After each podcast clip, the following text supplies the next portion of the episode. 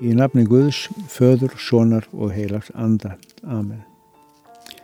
Það er holl lesning til stöðurar ámenningar að lesa þær ráðleikingar til breytni kristins fólks sem lögðar áhersla á í mörgum pálsbrefunum. Sumt að því er nána sett fram í ljóðrænu formi.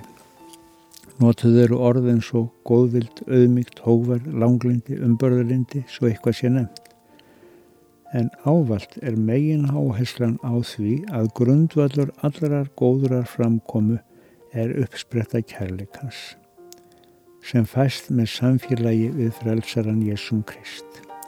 Heyrum orð úr Kólósubrifinu þriðja kapitula en þar segir Íklæðist því eins og Guðs útvalin heilug og elskuð börn, hjartagróinni meðöngun, góðvild, auðmygt, hóvarð og langlindi umberið hvert annað, fyrirgefið hvert öðru ef einhver hefur sök á hendur öðrum, eins og drottin hefur fyrirgefið ykkur, svo skuli þið og gera. En íklæðist yfir allt þetta elskunni sem bindur allt saman og fullkomnar allt. Lát frið Krist ríkja í hjörtum ykkar, því að Guð kallar ykkur til að lifa saman í friði sem limi á einum líkama verið þakklátt. Látið orðkris búa með ykkur í allri sinni öðlegð og speki. Fræðið og áminnið hvert annað og syngið Guði sætlega lofi hjörtum ykkar með salmum, lofsöngum og andlegum ljóðum. Hvað sem þið gerið eða segið, gerið allt í nafni drottins Jésu og þakkið Guði föður með hjálp hans. Gerum allt í nafni drottins Jésu, segir þar. Það skulum við gera þegar við byggjum saman.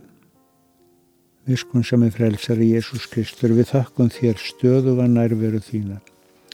Við vitum að við þörnums hvert andartak hjálpar þenn og leiðsagnar. Kendu okkur að sína góðvild og þólinnmæði langlundar. Stittu okkur í því að umbera annað fólk, líka þau sem erfitt er að umbera. Láttu orð þín vera okkur dýrmætt og vera leiðaljós í öllum aðtöfnum. Áminn okkur að taka þátt í lofgjörð og þakklæti til þín því þeirri yðju er upp af kærleikans. Blessa þannig heimilu okkar, fjölskyldu og afkomendur. Skapa þú velvilja hjá þeim stöðum þar sem störfum eða við dveljum. Upparfa þau sem eru svift hilsu veit þeim líkn og lausn mála. Stið það fólk sem starfar við ummönnun og hjúgrun sjúkra. Kenn þeim úræði.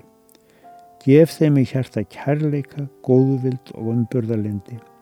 Þannig að störf þeirra verði til hugunar þeim sem þess þurfa. Þú sem allt megnar, vertu þar og vinn þau kraftaverk sem þú hefur valda á. En bænirnar okkar saminu við í bæninu sem frelsarinn Jésús kendi og segjum, Fadir vor, þú sem ert á himnum, helgist þitt nafn, tilkomið þitt ríki, verði þinn viljið svo á jörðu sem á himni. Gef oss í dag vort daglitt brauð. Fyrir gef oss vorar skuldir svo sem við og fyrir gefum vorum skuldunautum. Egi leið þú oss í frisni, heldur frelsa oss frá yllu, því að þitt er ríkið mátturinn og dýrðin af eilíf. Amen.